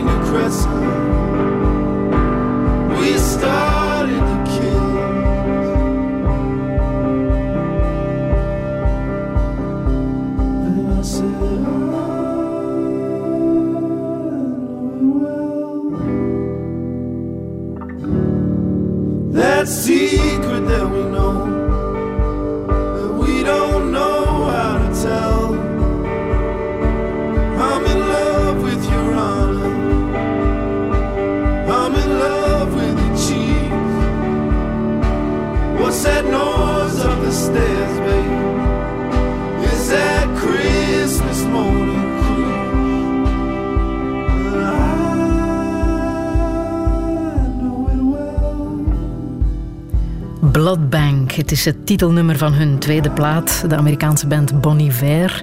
Lieven waaraan doet jou dit denken? Goh, ja, uh, Iver, ik heb de, de band eigenlijk ontdekt toen ze op bezoek waren in de laatste show. Uh, ik had ja, jaren terug die wekelijkse fysica-rubriek in de laatste show. En op een bepaald moment zat uh, Justin, heet hij dan denk ik, van Bon Iver bij ons. Ik kende die niet. En ik ben dat daarna beginnen opzoeken en ja, het was een beetje coup de foudre. Ja. Um, het is iets wat ik heel vaak uh, opleg. Vooral als ik te nerveus ben, als ik uh, in de auto zit, terug van een optreden om terug uh, te kalmeren. Dus ik ben daar immense fan van geworden. En dat is al een raar gevoel. Dat is iemand die je eigenlijk ontmoet hebt, maar toen wist je nog niet wie ze was. en dan later word je daar immense fan van. En dan denk je van, tja, ik zat daar toen naast. Um, maar ik had toen nog geen besef dat ik dat, dat, ik dat zo goed vond. Ja. Ah, dit is een liefdeslied, hè? Bladbank, ja. En ja. gaat over... En ja, weer die, weer die melancholie en zo een beetje dat poëtische beschrijven van de prille liefde, het elkaar een beetje leren kennen. Uh, ja, die situaties samen in de auto in de sneeuw, ja. En hoe moeilijk het is om gewoon te zeggen: Ik zie je graag. Ja. Ja. Kan jij dat goed? Um, uh, van oorspronkelijk niet, omdat wie, wie, uh, wie katholiek landelijk opgroeit, uh, die krijgt dat niet zo mee. Los van het feit dat het wel heel aanwezig was bij ons thuis. Ik kom uit een heel warm gezin en ik heb mij altijd goed omringd en verzorgd. En um, ja, er was zeker gezinsliefde in ons gezin. Er werd bijna nooit uitgesproken. Um, en ook in mijn eerste relaties is dat een zin die ik eigenlijk nooit uitsprak. Ik vond dat zo geladen. De zin, ik hou van jou. Maar ik heb nu kinderen die naar de Freinet-school gaan en die geweldig veel emotionele ontwikkeling meekrijgen vandaar. En ik heb, heb je nu, dat bewust uh, gedaan, omdat dat bij jou moeilijk lag? Ik ben wel blij dat ze, dat ze niet naar het echt klassieke, klassieke onderwijs gegaan ja? zijn, want bij mij heeft dat nooit echt uh, geaccordeerd. Maar ja, ik heb nu zo een, een, een kleutermeisje van zes rondlopen die het prachtigste wezen op deze planeet is, uiteraard, zoals dat gaat. Um, en die huppelt door haar dagen en een keer of twintig per dag komt hij u vastpakken en zegt hij, ik hou van jou. En ja, dat is zo'n soort emotionele ontwikkeling die er in onze lagere school niet was. En waar ik wel, wel blij om ben dat die dat meekrijgen. Ja. Ja, maar zeg je het nu? Ja, tuurlijk. Ja, ja, zeker. Nu kan je het ondertussen. Ja. um, je vrouw is Sien Volders, uh, ook auteur van uh, twee boeken ondertussen. Ja. Hebben jullie samen een definitie voor wat dat moet zijn, de liefde? Nee, totaal niet. Nee? Nee. Zelfs geen wetenschappelijke definitie? Ja, wetenschappelijk kan je daar, wetenschappelijk kan je daar heel droog over worden en dat gewoon biologisch evolutionair gaan duiden en met de biochemie in het hoofd, waar we al veel van weten, maar nog niet alles. Um, Want wat weten we daarover? Uh, verliefdheid, hoe, hoe, hoe dat precies in zijn werk gaat in een mensenlichaam? Uh, ja, zuiver evolutionair biologisch kan je van alles zeggen over het voor- en het nadeel van monogamie bijvoorbeeld. Hè. Dus je ziet diersoorten die dat totaal niet doen, je ziet diersoorten die dat totaal wel doen. En wij als mensheid hebben daar geweldig in geïnvesteerd. Hè. Dus de, de mens als diersoort heeft geweldig geïnvesteerd al in, laat ons nu als, als koppel veel zorg voor onze nakomelingen samen doen en vooral heel jaloers zijn als iemand um, uh, interesse heeft voor een andere partner, bijvoorbeeld. Evolutionair geweldig boeiend. Uh, ben je daar iets mee in je eigen liefdesleven? Nee. Dat is, gewoon, dat is gewoon een uitleg van waar het vandaan komt. En hoe het zelf voelt, hoe je het zelf beleeft, vind ik, staat daar eigenlijk los van. Um, wij zijn als koppel met geweldig veel vuurwerk en geknetter begonnen. Hè. Dus wij waren... Uh, waren zijn, maar laat ons nu zeggen, het, het ontstaan. Uh, we waren alle twee uh, twintigers. Zij was nog tiener zelfs, denk ik. Ja, we schelen twee jaar. Dus ik was 19 en zij 17, ja, voilà. En dus echt um, pathetisch verliefd. En uh, romantische brieven te schrijven. Wij wonen ja, 120 kilometer uit elkaar, wat als tiener een onoverbrugbare afstand is. Weet je waarom jullie uh, accorderen? Goh, wij deelden een vriendenkring. Dus wij deelden een, een gemeenschappelijke vriendin die ons een beetje samengebracht heeft. Um, wij hebben heel veel gemeen als zijnde uh, opgegroeid in een rustig landelijk middenklassegezin. Ehm, maar we waren wel alle twee een beetje, laten we zeggen, exotisch voor elkaar, omdat we uit een ander deel van het land kwamen en, en misschien wat uitgekeken waren op het eigen dorp. Dus misschien heeft dat ermee te maken. Maar uh, ja, we, we zijn ook twee personen met een aanleg voor grote verliefdheid. Um, en uh, ja, het, het klikte immens en dat doet het nog steeds. Ja. Stel dat jullie via software of een computerprogramma uh, bij elkaar zouden gebracht worden, zou het ook gewerkt hebben? Dat hangt af van de kwaliteit van de software. Eh. maar zou dat kunnen? Geloof je daarin dat er ooit een uh, computerprogramma zal beslissen uh, waar die ene grote liefde zich ergens bevindt? Um, mijn grote verwachting is dat dat computerprogramma nooit zal beslissen, maar dat ons dat zal adviseren. En dat is iets wat we nu al doen. Uh -huh. We laten ons al adviseren door zeer veel algoritmes. We zijn ons daar niet altijd van bewust, maar wat er verschijnt op sociale media, ook ja, alle dating-apps gebruiken uiteraard uh, al AI-software die probeert te voorspellen met wie, met wie het goed zal werken. De reclamesuggesties zijn daar het beste in. Ik denk dat iedereen die genoeg ja en nee klikt op reclames na een tijdje merkt van oei, ze weten precies wel heel goed wat ik nu ga kopen. Hè. Mm-hmm. Dus een AI-systeem dat ons later zal adviseren wie een goede partner is voor ons, misschien. Maar ten eerste moet dat AI-systeem zeer goed getraind worden en moet dat heel vaak verteld worden of het juist of fout zat. Dat is moeilijk bij partners. Hè. Er zijn weinig mensen denk ik, die terugkeren en zeggen zeg, die tip van toen, zeer slecht nieuws geweest. Bon. En dat is een systeem dat ons zeer goed zal moeten kennen. Facebook is nu begonnen met uh, dating software, dus dating suggesties. En Facebook kent ons geweldig goed op een, op een bepaald gebied, hè, op wat we online leuk vinden en niet. Maar dus AI die kan voorspellen met wie het zeer goed zal aflopen en met wie je een grote kans hebt op een, uh, ja, een vastlopende relatie, is mogelijk. En misschien laten we ons daar ooit door adviseren, maar beslissen zal het niet doen, denk ik. Daar blijven we zelf baas over. Waarin geloof je?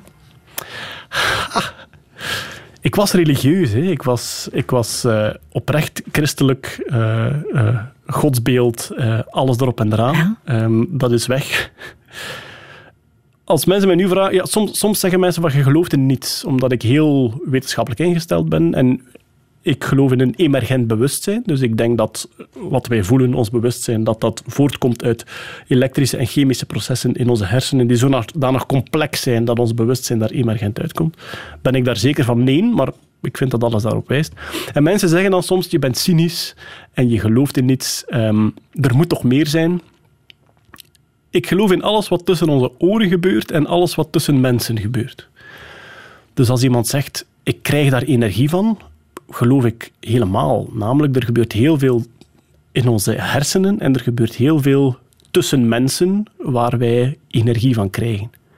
Alleen er is geen energie die daar buiten hangt.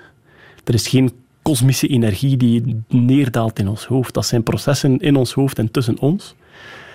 Maar ik vind dat heel waardevol. Ik vind wat er tussen onze oren gebeurt en wat er tussen mensen gebeurt, vind ik geweldig waardevol. Ik vind dat geen cynische uitspraak. Dus waar geloof ik in? Ik geloof in alles tussen onze oren en tussen mensen. En wat is volgens jou de zin van het leven? Uh, die is er niet. Um, dus die kan je zelf invullen. Um, en voor mij is dat, ik, ja, ik ben, ik probeer een, uh, enfin, als ik denk aan een waardevol leven, dan zit daar een stuk solidariteit, maatschappelijk uh, belang in ik zou graag, ik zou graag meer bijdragen aan de samenleving dan ik ervan vraag. Um, maar goed, uh, alweer alles wel beschouwd, is dat een gevoel dat voortkomt uit de menselijke evolutie tot op dit punt. Um, ik vind moraal en ethiek prachtige dingen, maar dat is iets wat simpelweg ontstaan is omdat wij primaten zijn die in groep leefden. Zeg je dat ook zo tegen je kinderen, zoals je het nu Nog tegen niet. mij vertelt? hoe vertaal je dat naar je kinderen? Want hoe oud zijn ze nu? Ja, uh, de jongste is zes en dan heb ik er eentje van elf en eentje van twaalf. Maar dat soort thema's, ja nee, als het nu gaat over, als het nu gaat over solidariteit, ja, dan, dan leg ik gewoon uit waarom ik het belangrijk vind dat we er zijn voor andere mensen en dat we onze eigen sterkte gebruiken om misschien een kwetsbaarheid bij iemand anders op te vangen en dat we ook onze eigen kwetsbaarheid kunnen aangeven in de hoop van daar wat steun in te krijgen. Ehm, maar dan ga ik het nu nog niet hebben over de, de, het evolutionaire ontstaan van moraal en ethiek. Nee. Dat is nog een beetje te vroeg. Waarin lijken ze op jou? Ehm, er is een beetje, ja, er is een interesse in de wereld. Hè. Hoe werken de dingen? Dus een beetje wetenschappelijk interesse in de wereld. Natuur vooral, wat dat bij mij ook exact hetzelfde was op die leeftijd. Het was heel veel diertjes en, en planten. Helpt als je een grote tuin hebt met een vijver en een bootje en zo. Hè? Ja. Een caravan die daar ergens in staat. Ja, inderdaad. Ja, de tuin wordt eh, immens gebruikt voor eh, ontdekkingstochten en eh, dingen te gaan Ja. zoeken. En vooral ook ja, de, de kleuterdochter die komt nu dan binnengewandeld met ehm, eh, eh, vuile knieën en vooral de zakken vol met schatten. Oh, daar word ik zo warm van. Als je de kleuter vastpakt en daar zitten eh, vijf keien en een kastanje en ergens een, een tak met een mooie vormen en die zijn allemaal van onschatbare waarde voor dat kinderhoofd. Ja, dat vind ik fantastisch.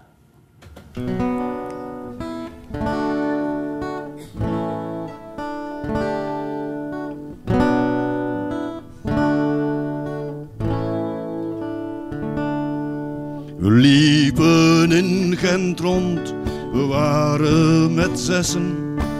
We kwamen van nergens, gingen nergens naartoe. Vanaf de terrassen, in de koffiehuizen, bekeken we de mensen en hun drukke gedoe. We liepen met ons hoofd in de wolken en werden dan wakker met honger en dorst. En iedereen riep, kijk daar loopt de fanfare, de fanfare van honger en dorst. De fanfare van honger en dorst.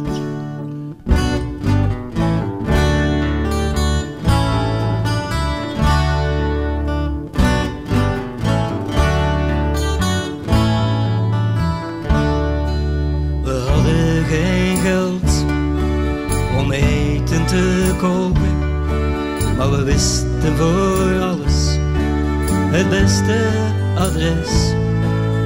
Frieten bij Elga en mosselen bij Leentje. En Annie bewaarde voor ons wel een fles. En iedere nacht nog net voor het slapen, de laatste vijf vrouwen in Eddie's jukebox. My heart rain's gonna fall, we zongen het allemaal samen met de fanfare van honger en dorst. De fanfare van honger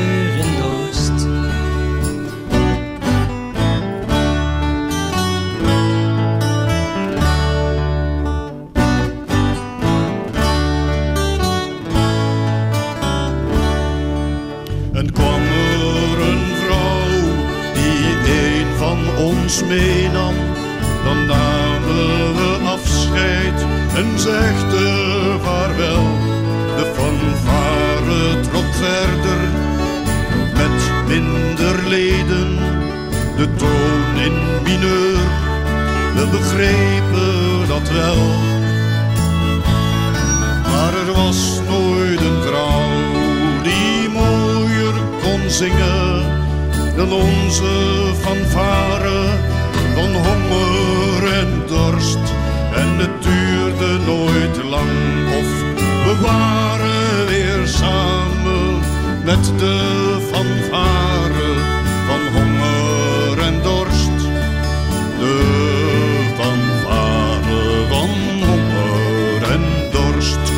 De fanfare van honger en dorst hier in de versie van Jan de Wilde, samen met de auteur van dit lied, Lieven Tavernier. Je kon niet kiezen, vandaar dat we deze keuze hebben gemaakt. Eh Lieven Scheire, hoe betekenisvol is dit nummer voor jou? Goh, ik denk dat de fanfare van Honger en Dorst, waar het dan over gaat, we liepen in Gent rond, we waren met zessen. Ik denk dat dat een, voor mij een licht geromantiseerd beeld van mijn studententijd is. Ehm, ik heb een hele fijne studententijd gehad. Er was heel veel vrijheid, hele goede vrienden, eh, die nog steeds aan elkaar hangen in Gent. En als ik terugdenk aan onze mooiste, waardevolste momenten, dan, dan waren wij toen die fanfare van honger en dorst. Namelijk eh, samen door de stad trekken, ehm, kijken naar de mensen in hun drukke gedoe, omdat al dat echte leven, dat was allemaal burgerlijk en wij stonden daar buiten en we waren vrij en rebels. Ja. Ik hoop dat die vrienden en hun aanhang voor eh 3 mei 2021 gevaccineerd geraken, want dan heb jij iets te vieren, volgens mij. Ja, dan word ik 40, ja, inderdaad. Wat ga je daarmee doen? Dat weet ik eigenlijk niet. Ehm, ik, ik ben niet echt een verjaardagvierder. Maar 40 is een getal dat blijkbaar zo de laatste twee, drie jaar in mijn hoofd wel iets geworden is. Ik herinner me toen ik 30 werd, dat mensen vroegen, vind je het niet erg? En absoluut niet. Ik ben heel graag 30 geworden. Ehm, omdat ik, ja, de twintiger jaren als zijnde het clichématige gedrag van de twintiger jaren eh, uitgaan in de Overpoort in Gent en dat soort dingen lag mij totaal niet.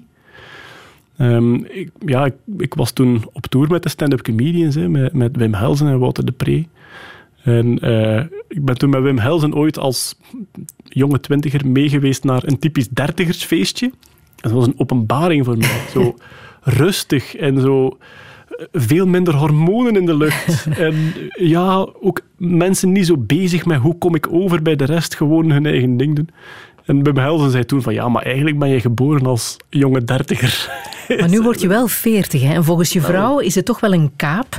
Want je vraagt je af, volgens je vrouw dan, hè, of je nu met een grote gezinswagen moet rijden, eh, of er nu een vloedgolf van saaiheid over je heen zal komen en of je debardeurs moet dragen. Ja, eh, debardeurs, een zijstreep, een lidkaart van de CD&V en eh, dat soort dingen. Ehm, ja, ik weet niet hoe het komt. Die, die, dat dertigersleven heeft mij geweldig aangesproken altijd. En Het 40 is bijna een- afgelopen. Het is Ja. bijna afgelopen. Ik heb het grote geluk dat ik veel vrienden heb die er al voorbij zijn. En ik zie bij hen niks wezenlijk gebeuren wat wijst op een totale degeneratie. Wat Dus zou je nog willen als veertiger? heel veel. Ja, eigenlijk voortdoen zoals nu. Ehm, ja, zo... zo allee, ik ben een beetje van het een project naar het ander kunnen gaan. En na de tv ben ik... Eerst, ja, eerst stond ik op het podium, dan heb ik tv kunnen maken, wat echt een grote droom was. Nu ben ik terug die podiumvoorstellingen aan het doen. Ehm, ik heb die maandelijkse podcast met Nerdland, waar ik heel blij mee ben, waar ik heel veel in kwijt kan ook. Over hoe ik graag over wetenschap praat. Ehm, ik ben nu in Nederland wetenschapstv aan het maken, wat ook heel tof is. Ehm, ik ben in Engeland geweest vijf jaar terug. Dat is nu helaas helemaal stilgevallen met die corona. Maar daar, allee, daar zou ik ook Daar heel droom je toch van, om daar ook voet aan de grond te krijgen? Dat is wel een droom, ja. En dat hoeft niet... Dat hoeft geen eh, nationale Britse bekendheid te zijn, maar het wetenschapscommunicatiecircuit is daar heel tof. Ehm, met dan Brian Cox en Robin Innes en Festival of the Spoken Nerd zijn eigenlijk eh, drie wetenschappers, twee fysici en een wiskundige, die samen proefjes doen op het podium en daar op een hele komische manier over, over vertellen. Dus ik zou heel graag deel zijn van het eh, Engelstalige wetenschapscomedy-circuit. Ja. Welke boodschap wil je hier nog meegeven? Goh, dat is moeilijk. Ja, ik weet niet of ik echt in een positie sta om de mensen zo'n boodschap... Ik ben Yuval Harari niet. Ehm, er is één, één zinnetje wat ik, waar ik een paar jaar terug gewoon opgebotst ben. Eh, komt uit het boek eh, De Profeet. Klinkt ook alweer zeer gezwollen, maar ik denk, want ik kende het niet. Ik heb achteraf gehoord dat dat blijkbaar in de jaren 60 en 70 echt zo'n iconisch boek was. Voor sommige mensen is dat de Bijbel. Ja, de profeet is een soort levenswijsheid geschreven door, denk ik, een Arabisch-Amerikaanse eh, schrijver. Libanees, Khalil Gibran. Ja. En daar staan fantastische dingen in, vind ik zelf. Daar staat heel veel inzicht in. En eentje wat mij daar echt van, van blijven hangen is... is ehm, en ik weet niet of ik het nu juist citeer... eh, tussen dat wat wordt bedoeld, maar niet gezegd, en dat wat wordt gezegd, maar niet bedoeld, gaat de meeste liefde verloren. En ehm, wat het voor mij betekent, en hopelijk is dat ook de oorspronkelijke, betek- oorspronkelijke betekenis, is in menselijke communicatie is enerzijds een wonder dat wij dingen kunnen overbrengen aan elkaar en anderzijds zo beperkt. En ik merk het geweldig bij mijzelf en bij mijn omgeving dat de voorzichtige Vlaamse communicator, die vooral niet wil schofferen en niet echt het achterste van zijn tong laat zien, dat je heel vaak dingen verkeerd begrijpt die de persoon helemaal niet zo bedoeld had, maar je durft niet verder vragen. En dat je heel vaak iets wil zeggen wat je dan eigenlijk niet gezegd krijgt. En dat mensen soms geweldig naast elkaar kunnen praten en dat er op een zinloze manier heel veel verstandhouding verloren gaat. Ja. Zullen we hier nog een woordenloos nummer achter schuiven? Exit Music van eh, Brad Meldo. Yes.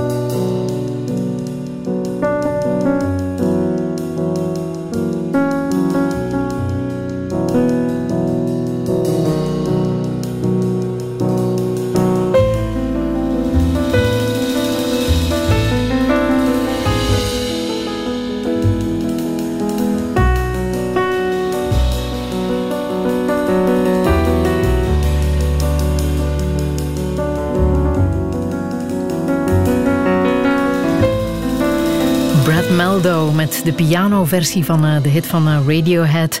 Ook terug te vinden op die magische plaat Songs. We hebben iets gemeen. Dit is ook een van mijn eh, favorieten. Lieve Scheire, ik wil jou hartelijk danken voor het fijne gesprek op deze dag van de wetenschap. Alle info staat na te lezen op radio1.be. Volgende week verwacht ik hier Mia Doornaert. Nog een heel fijne zondag.